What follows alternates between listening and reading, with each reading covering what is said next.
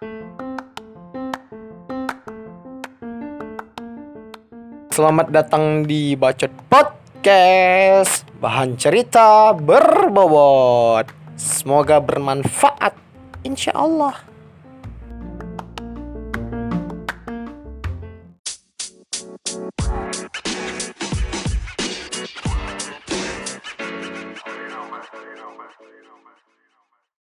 Halo guys, Assalamualaikum warahmatullahi wabarakatuh. Kembali lagi bersama gua di Bacot, Bacot, Bacot, Bacot Podcast. Ya. Nah guys, di episode kali ini Gua ingin ngebahas tentang Congorna Gitu. Atau kolorna. Atau bahasa inteleknya adalah Corona Gitu loh yang disingkat dengan bahasa dokter disebut sebagai COVID strip 19 plus. Ya nggak ada plusnya gitu. Nah intinya tentang corona ya gitu ya. Kita tahu ya bahwasannya corona ini kan sudah menjadi wabah internasional ya. Dan bahkan sudah diberikan predikat secara spesifik oleh WHO WHO asik uh, dengan predikat pandemi. Berarti pandemi ini udah salah satu wabah serius ya. Dan nggak boleh dianggap remeh gitu guys. Karena corona ini sendiri selain berdampak merugikan kepada kesehatan ini juga berdampak kepada stabilitas negara gitu. Seperti yang kita ketahui ya guys bahwasanya banyak artikel-artikel besar memuat awalnya virus corona ini datangnya dari Wuhan Cina gitu dan dasar dari mereka disebabkan karena kehidupan mereka yang orang-orang Cina di sana itu. Jorok bahkan ada yang babi itu digantung di depan rumah sampai puluh-puluh tahun sebagai simbol sebuah sebagai simbol kesejahteraan bagi orang sana gitu kan. Dan ternyata itu bisa berdampak besar dalam urusan penyakit gitu kan. Makanan-makanan yang nggak sehat ada kelelawar makan babi segala macam cara hidup yang nggak baik menjadi tolak ukur para artikel-artikel besar ini untuk membeberkan bahwasannya ini penyebaran virus corona datang dari sini.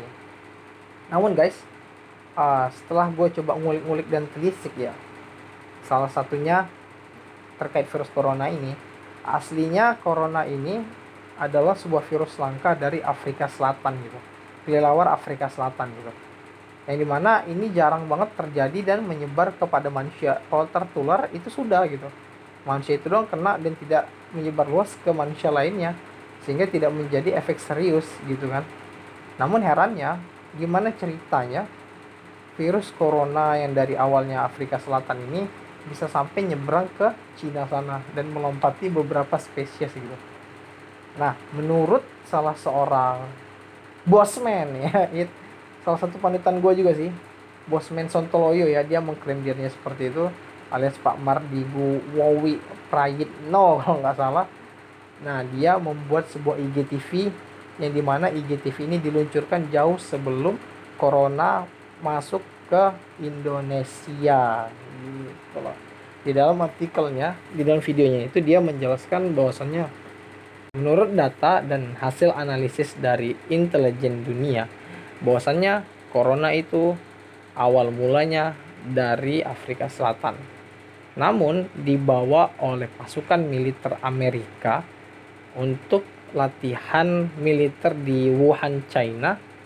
Namun anehnya, ketika mereka pulang, mereka membawa semua keluarganya dan karib kerabatnya untuk pulang bersama mereka gitu. Dan akhirnya saat-saat ini China sudah mulai melakukan uh, investa investigasi ya, kan investasi eh investigasi untuk menelisik bener nggak nih dari Wuhan gitu. Akhirnya dikutip dari BBC.com, Cina mengklaim bahwasannya ini adalah kerjanya Amerika yang menyebarkan virus tersebut gitu. Di BBC.com salah satu web uh, website jurnalis atau website beritanya orang-orang internasional lah gitu. Nah, ini juga menguatkan data dan fakta yang dibeberkan oleh Bapak Mardi WP. Karena gue secara logis sih gue per gue setuju sih sama statementnya beliau gitu. Kalau memang virus ini menyebar kepada uh, menyebar tapi kenapa gitu harus kepada Cina gitu? Kenapa nggak coba sasaran kayak Rusia yang musuh musuh jelas-jelasnya Amerika gitu ya? Dan beberapa orang yang memang kontra banget sama Amerika gitu. Nah ini karena kalau menurut analisis politik internasional versi AWO ya guys ini karena Cina ini kan memang bakal digadang-gadang menjadi salah satu kekuatan ekonomi dunia kedua atau bahkan menyaingi Amerika gitu. Dan memang mau nggak mau ini harus diantisipasi oleh pihak lawan yaitu Amerika dengan cara mengirimkan virus ke sana dan menyebarkannya sehingga mengganggu perekonomian di sana. Dan akhirnya terbukti saat ini perekonomian Cina tuh lumpuh total gitu. Banyak pabrik-pabrik tutup bahkan ribuan dan ratusan ribuan orang telah tersebar uh, terkena virus corona gitu dan ini uh, virus corona ini ya yang jadi pertanyaan juga adalah kenapa virus corona ini juga cepat menyebar luas gitu. Nah, kalau menurut gua ini dikarenakan cara hidup mereka yang juga kurang sehat. Sudah tahu ini virus yang buruk disebab uh, virus buruk datang ke negeri mereka dan mereka melakukan cara hidup mereka yang kurang biasa gitu kan, kurang sehat.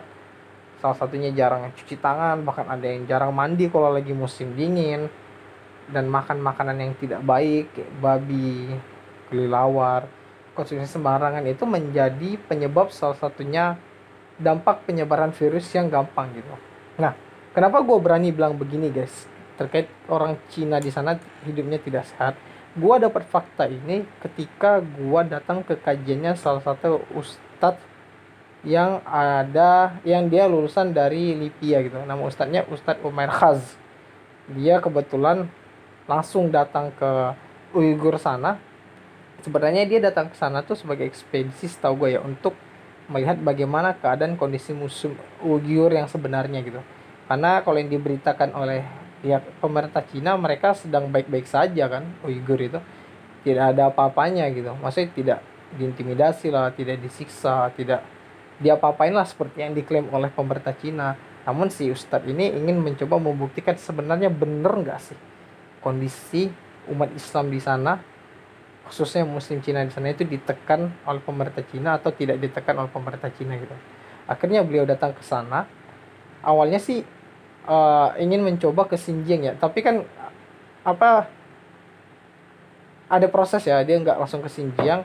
Dia datang dulu tuh ke beberapa daerah di Cina salah satunya daerah apa ya gue lupa gitu. Yang di mana dia itu diperlihatkan bahwasannya wow muslim itu di sana bisa sholat.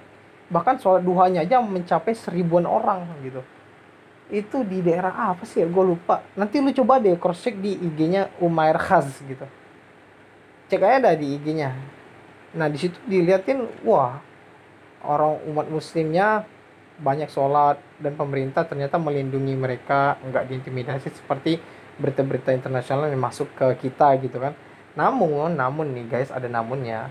Ternyata setelah dicek faktanya bahwasannya orang-orang muslim di sana yang boleh sholat itu dibatasin umurnya guys. Yaitu orang-orang umur dari 45 tahun sampai ke atas. 45 tahun ke bawah dikategorikan sebagai pemuda dan mereka tidak diperbolehkan untuk sholat di masjid. Bahkan untuk kasus uh, Uighur sendiri orang-orang Uighur di sana itu sampai sekarang masih banyak nggak bisa sholat. Padahal pingin banget sholat guys. Gila. Nah ini didapatkan dari bahwa apa penyelidikan langsung yang dilakukan oleh Ustadz Umair Khazini sebelum beliau berkunjung ke uh, Xinjiang ya tempat orang Uyghur itu. Beliau datang juga tuh ke Linxia kalau nggak salah gua daerahnya. Yang disebut sebagai the little Mecca of China atau Mekahnya Cina lah ibaratnya. The Mecca of China Mekahnya Cina gitu. Dahulu di Linxia ini itu banyak sekali guys pesantren gitu. Dari cerita ustadznya ya. Banyak sekali pesantren ulama-ulama Cina itu banyak banyak sekali dari sana. Cuman tuh tadi ya cuman pada saat mulai nih pemerintah Xi Jinping itu si Xi Jing kesel gua. Xi Jinping itu mulai itu kan untuk propaganda propaganda komunismenya dan mulai menekan umat Islam banyak ulama-ulama di Cina yang dari Indonesia itu ditangkap tangkepin orang-orang yang lawan tuh ditangkap-tangkepin dan bahkan pesantren di sana itu banyak dirobohkan gitu.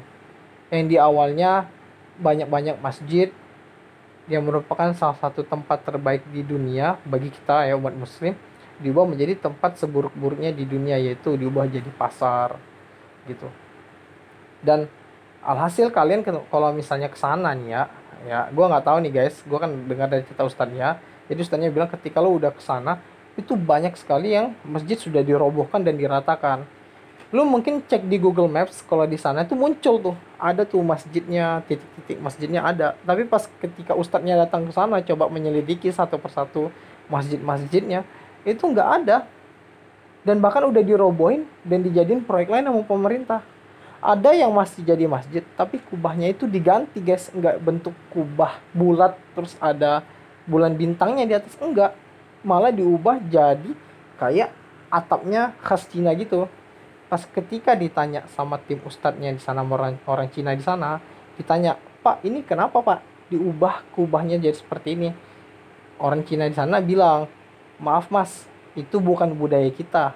Kita bukan ngambil budaya karab araban. Kita harus menerapkan sistem budaya nusantara kita guys. Budaya China gitu kan. Dari awalnya budaya akhirnya merembes kepada syariat. Nah, udah paham lalu kayak gitu ya. Gue bukan bermaksud membawa ke politik guys. Tapi ini yang benar yang diceritain sama ustadznya. Kira-kira itu seperti itu gitu loh.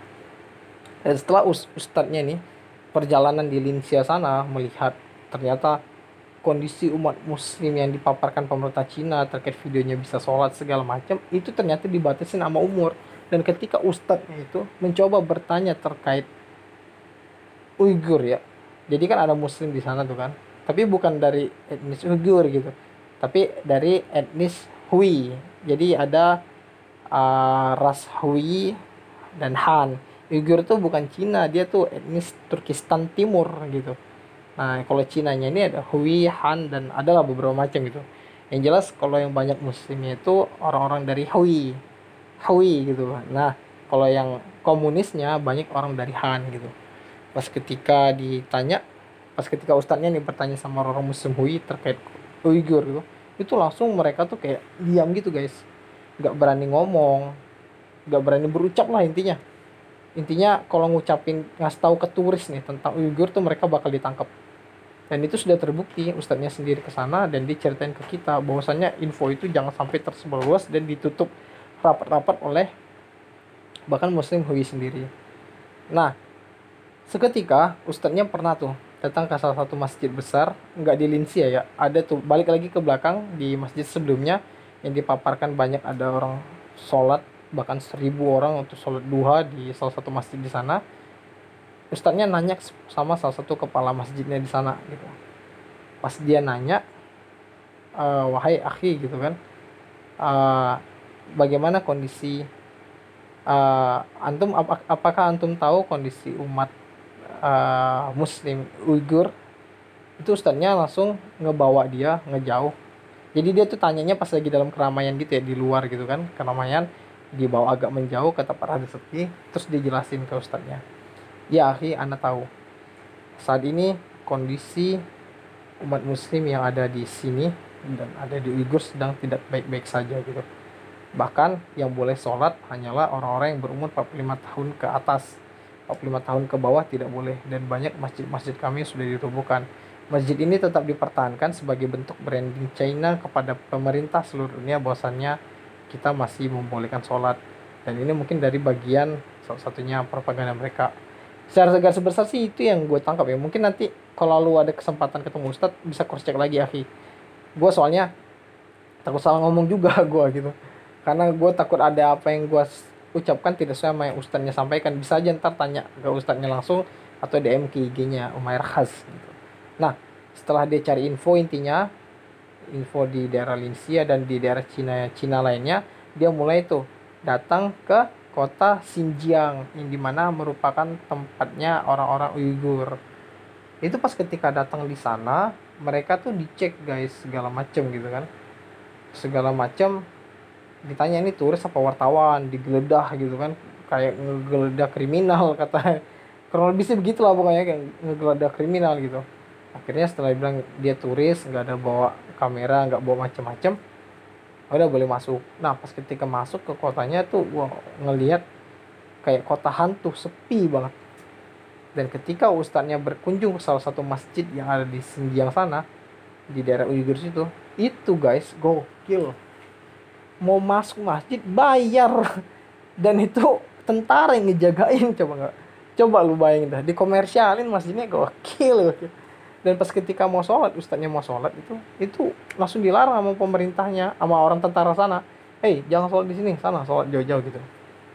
Oke guys sorry nih sebelum gue lanjut gue agak cerita sedikit tentang Uyghur ya. Karena nanti insya Allah kita akan ngekorelasin sama corona. Oke nah jadi tetap dengerin. Ya nah guys balik lagi ke yang tadi ya kisah Ustadz yang ada di masjid yang dia sholat akhirnya diusir sama tentara. Akhirnya karena ustadznya diusir kan dia balik ke hotel sholat lah tuh di hotel ya kan segala macam. Namun dia tetap nyari info tentang orang-orang Uyghur.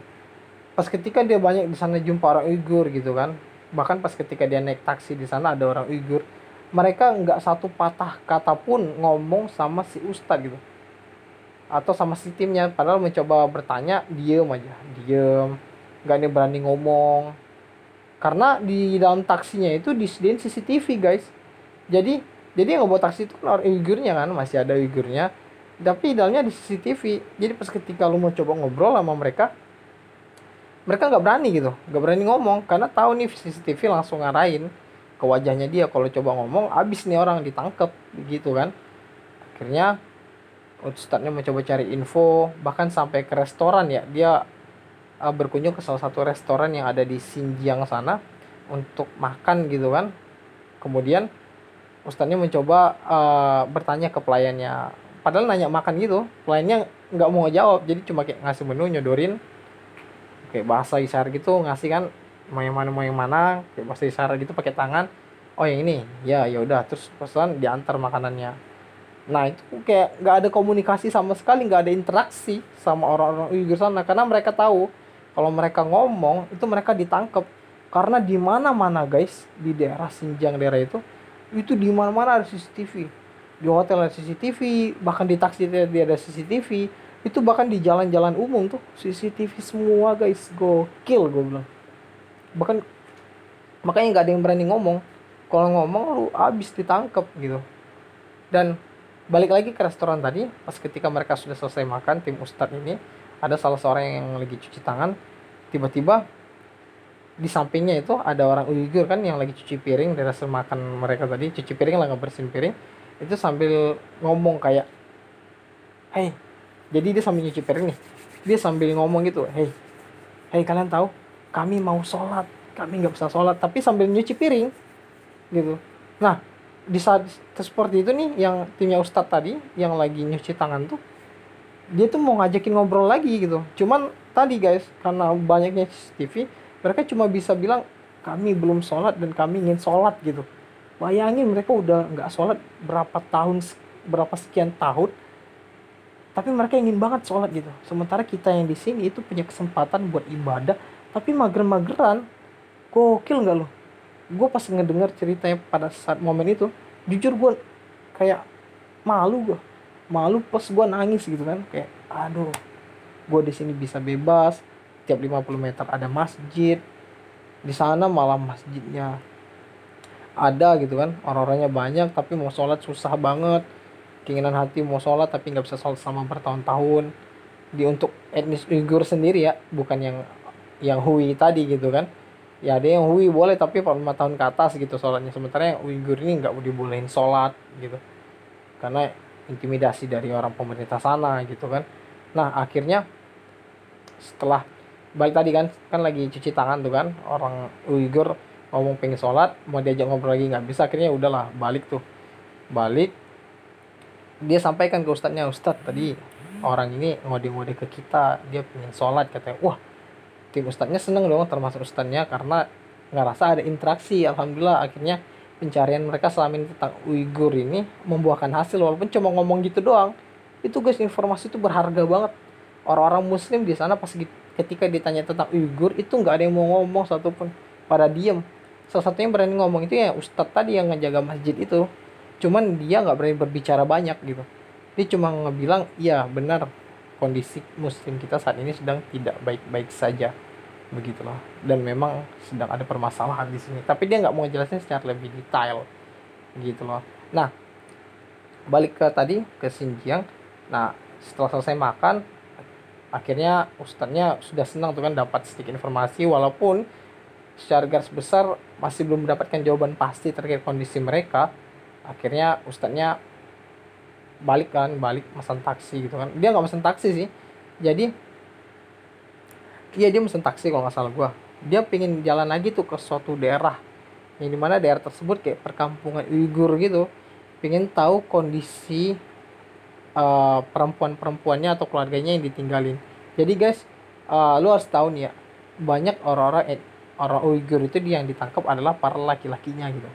Sementara yang para perempuannya itu ibunya istrinya dan anaknya kalau anaknya udah mulai main gede remaja itu ditangkap gitu kan sama mereka ditangkap nah jadi orang tinggalin itu istrinya ibunya itu itu mereka satu rumah sama orang-orang komunis Han tadi yang dari ras Han yang orang komunis yang gue bilang sebelumnya guys.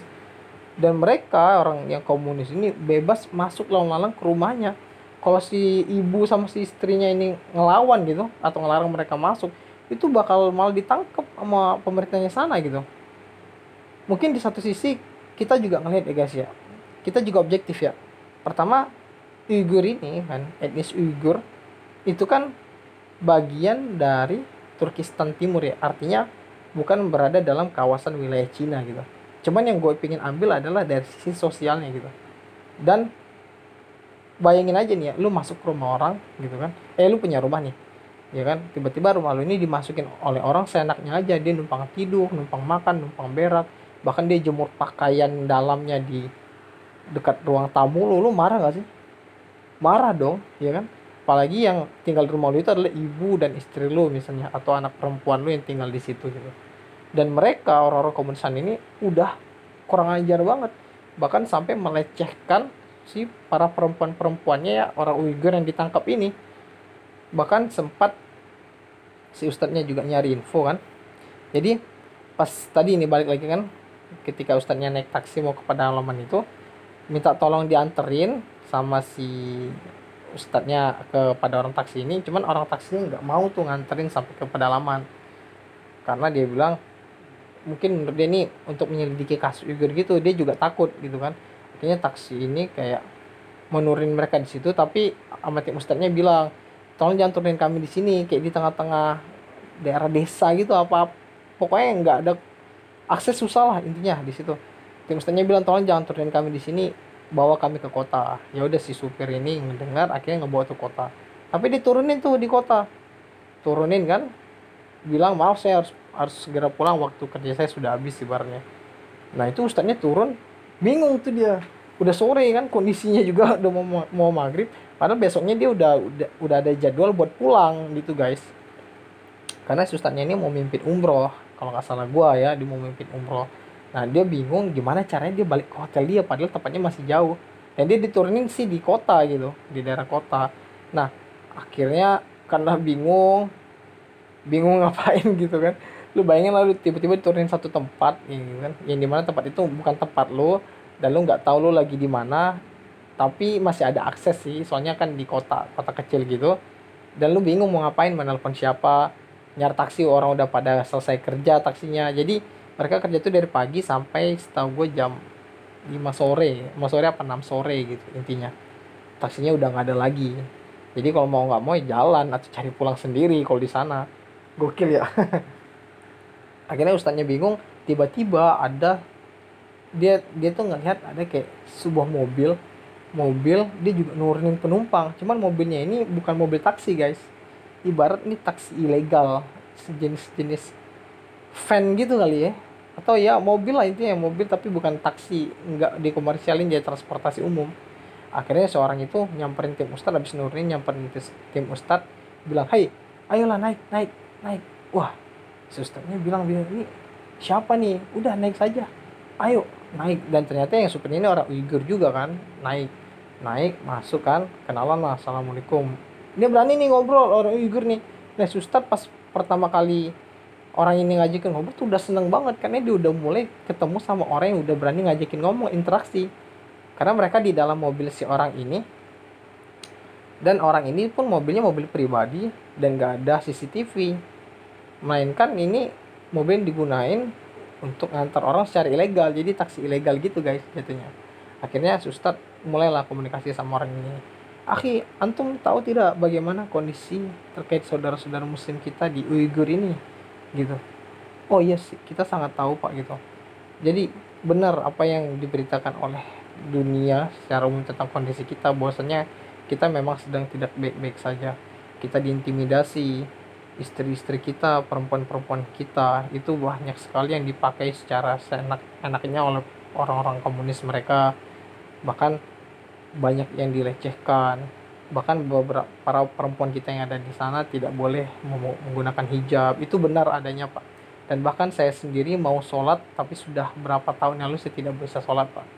Saya ingin sekali sholat saya ingin sekali bisa beribadah cuman kondisinya seperti ini membuat saya sama sekali tidak bisa beribadah pak.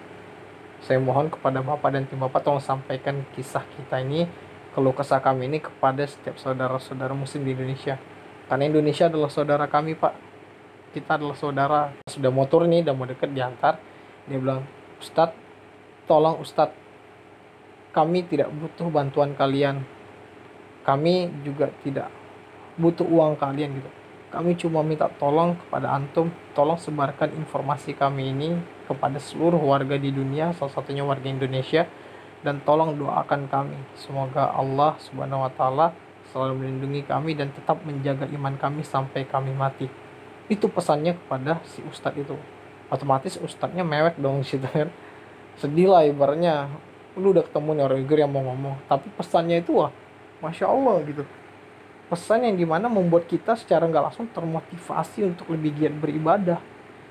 Dan ustadznya karena orang ini yang ngomong ini berjanji ya insya Allah Ana akan sampaikan ke seluruh saudara-saudara Ana di Indonesia gitu.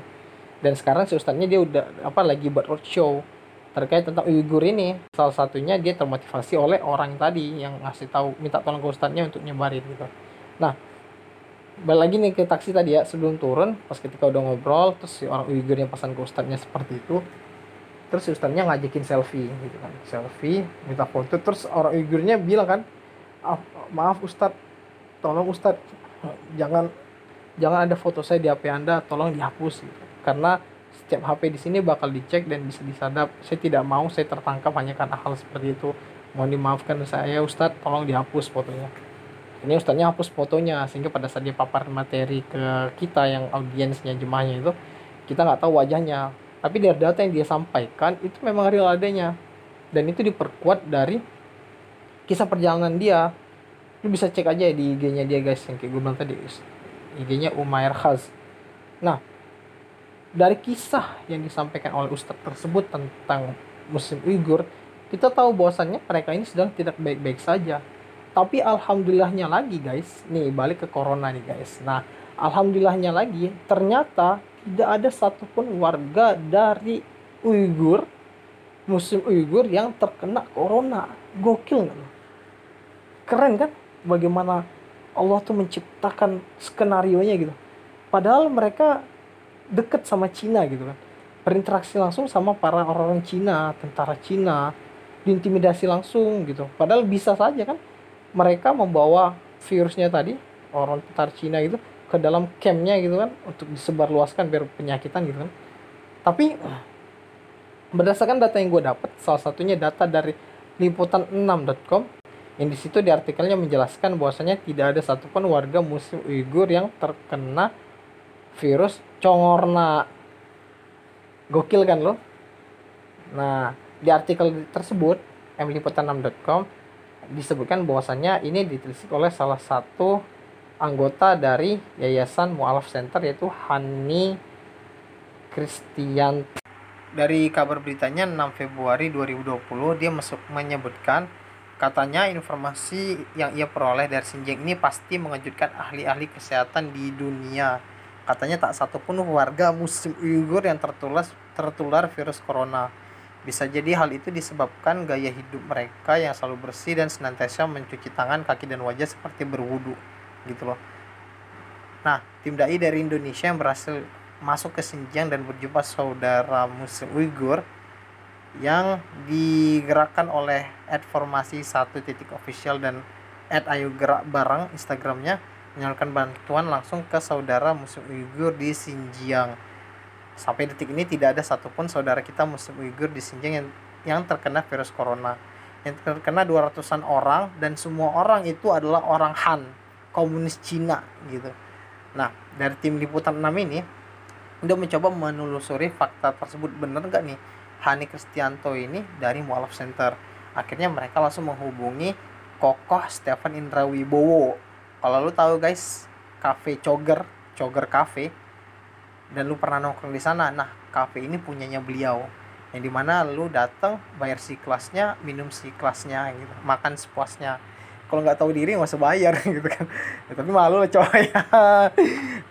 Semoga lu kayak gitu ya. Yoi yang jelas dia yang punya Coger Cafe yang udah banyak banget cabangnya gitu. Nah tim liputan 6 menghubungi Koko Stephen Indra Wibowo dan ternyata membenarkan. Benar Hani Kristianto adalah anggota Yayasan Mualaf Center Indonesia. Dan ternyata uh, menurut Stephen kabar bahwa umat muslim Uighur bebas dari virus corona adalah benar.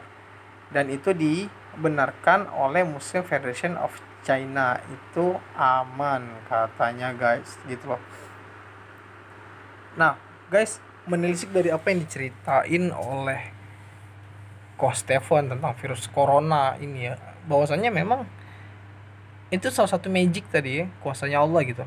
Bahwasanya memang ketika sudah terbiasa bersih, tidak hidup jorok, hidupnya baik, emang bakal jauh dari penyakit gitu. Dan itu secara kesehatan sudah terbukti gitu loh guys.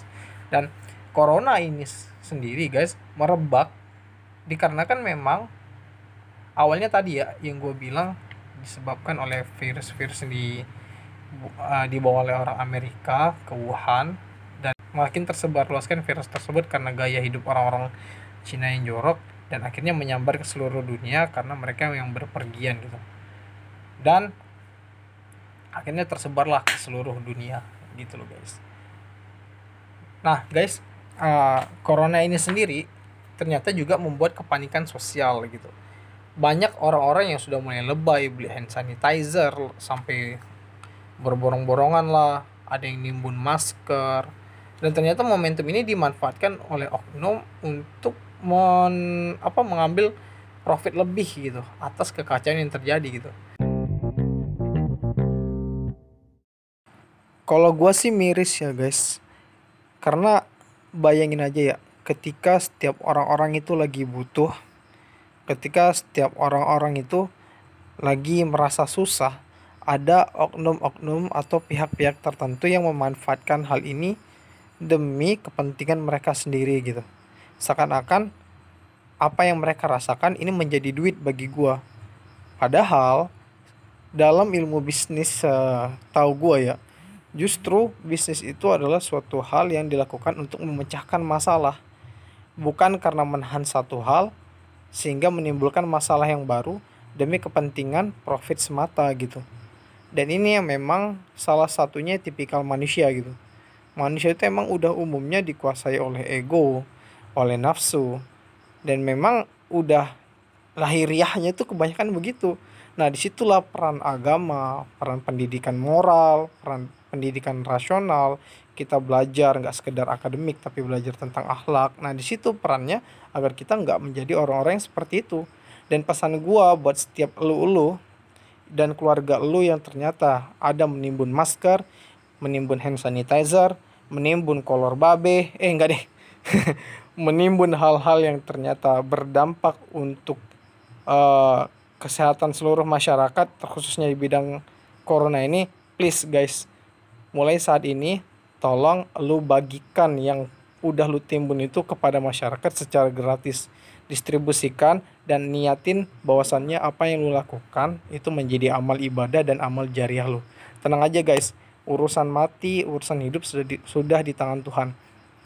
Bukan berarti gue sendiri bilang gue nggak waspada terhadap virus corona. Tidak gitu.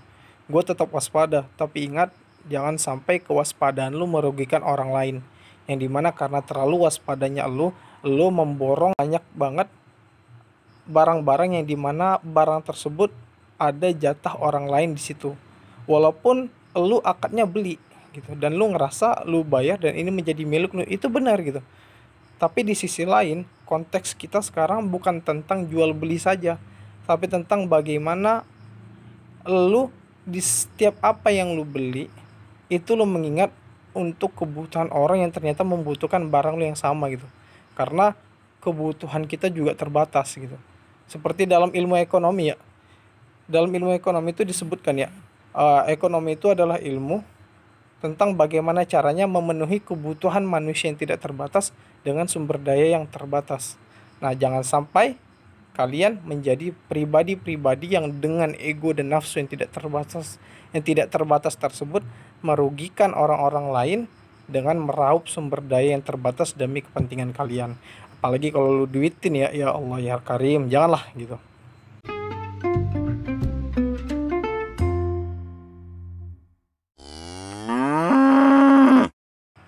Nah guys, uh, mungkin saat ini sudah berada di segmen kesimpulan ya.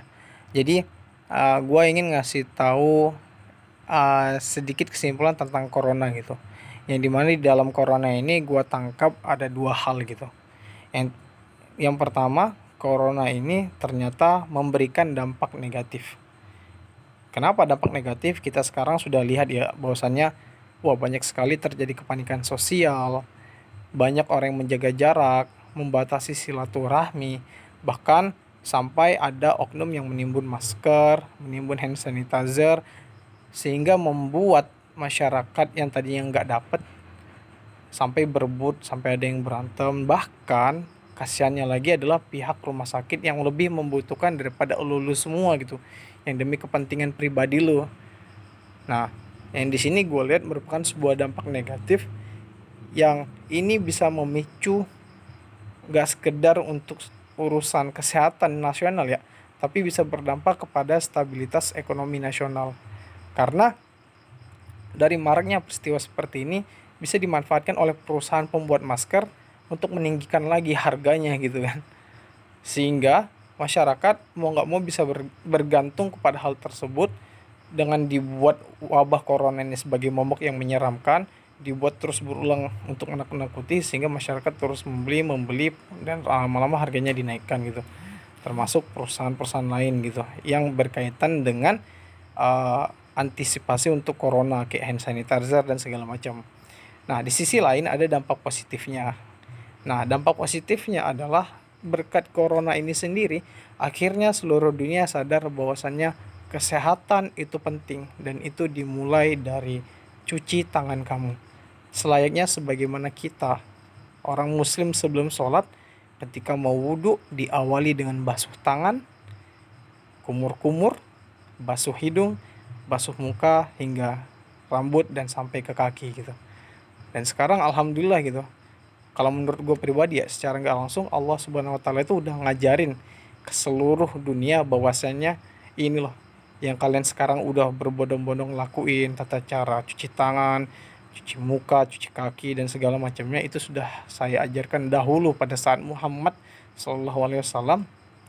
Saya sampaikan ke dia untuk mengajarkan tata cara wudhu dan dan ternyata memang orang-orang itu emang gitu ya umumnya ketika sudah dikasih suatu ujian musibah atau cobaan gitu baru dia sibuk-sibuk untuk lebih mengevaluasi diri dan memperbaiki diri gitu. Dan memang itulah tipikal manusia gitu. Yang di mana bergerak dulu ketika sudah apa namanya bergerak dulu ketika sudah terbentur tidak menunggu terbentur baru bergerak gitu. Ya gue juga nggak bisa nyalahin manusia sih. Karena gue juga merupakan bagian dari ras manusia yang terkadang memang seperti itu gitu ya kan? Dan memang kita bukan berarti kan hal tersebut untuk membuat diri lebih malas enggak sekarang lah saatnya kita untuk lebih aktif lagi menjadi bersih itu lebih aktif lagi menjaga kesehatan kita. Dan jangan sampai gara-gara virus corona ini kalian meninggalkan ibadah kalian terutama buat umat muslim yang baru akhir-akhir ini turun fatwa ya untuk nggak sholat ke masjid dari fatwa ulama. Ya itu kan karena udah kebijakan ulama sih silahkan kalau kalian mau ikutin. Cuman kalau gue secara pribadi ya gue secara pribadi tetap akan sholat ke masjid walaupun semisalnya dan jangan sampai gitu. Yang sampai ya misalnya gue terkena corona gue akan tetap sholat ke masjid. Tapi tapi ini ada tapinya. Tapi gue akan sholat ke masjid dan gue memakai seluruh perlengkapan masker hand sanitizer dan segala macam tetek bengeknya untuk melindungi diri dan melindungi yang lain dari wabah corona ini. Gitu guys ya. Jadi please guys jangan jangan tinggalkan sholat kamu ke masjid. Tetaplah ke masjid dan tetap edukasi masyarakat sebenarnya wabah yang Allah turunkan ini bukan untuk membuat kamu justru jauh dari masjid. Tidak gitu tapi untuk lebih mendekatkan kepada Allah dan memakmurkan masjid. Adapun terkait dengan sabda Nabi Shallallahu Alaihi Wasallam tentang bolehnya orang-orang sholat di rumah karena ada udara apa? Karena cuaca dingin malam yang sampai menusuk tulang sehingga tidak nggak apa-apa ke masjid disuruh sholat di rumah. Itu konteksnya adalah ketika wajar nih lu baru keluar rumah kaki kaki kaki lu itu ibarat sudah memang sok kayak tuh angin tuh masuk tuh ke kaki lu kayak tembus kena men, menyusup ke tulang-tulang tulang-tulang jelek lu kan. Tulang-tulang lo gitu. Sehingga baru keluar berapa langkah udah kedinginan bahkan bisa mati gitu ya. Karena itu kan memang sudah parah sekali gitu. Karena kalau di Arab dulu di padang pasir itu kalau malam dingin banget. Bisa sampai minus minus derajat.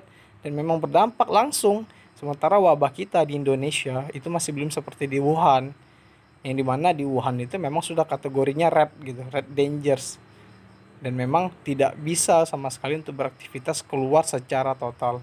Bukan berarti gua mengkampanyekan kalian untuk tetap bergerak keluar gitu. Walaupun banyak pejabat pemerintah untuk bekerja di rumah ya, bahkan salah satunya ibadah di rumah gitu. Tidak gitu. Tapi gua mengkampanyekan kepada kalian bahwasanya tetap hidup sehat dan tetaplah beraktivitas tapi batasilah hal-hal yang nggak penting dari diri kalian dan lengkapi diri kalian dengan fasilitas dan sarana untuk melindungi diri dan melindungi yang lain dengan memakai masker dan bersih gitu. Oke. Okay?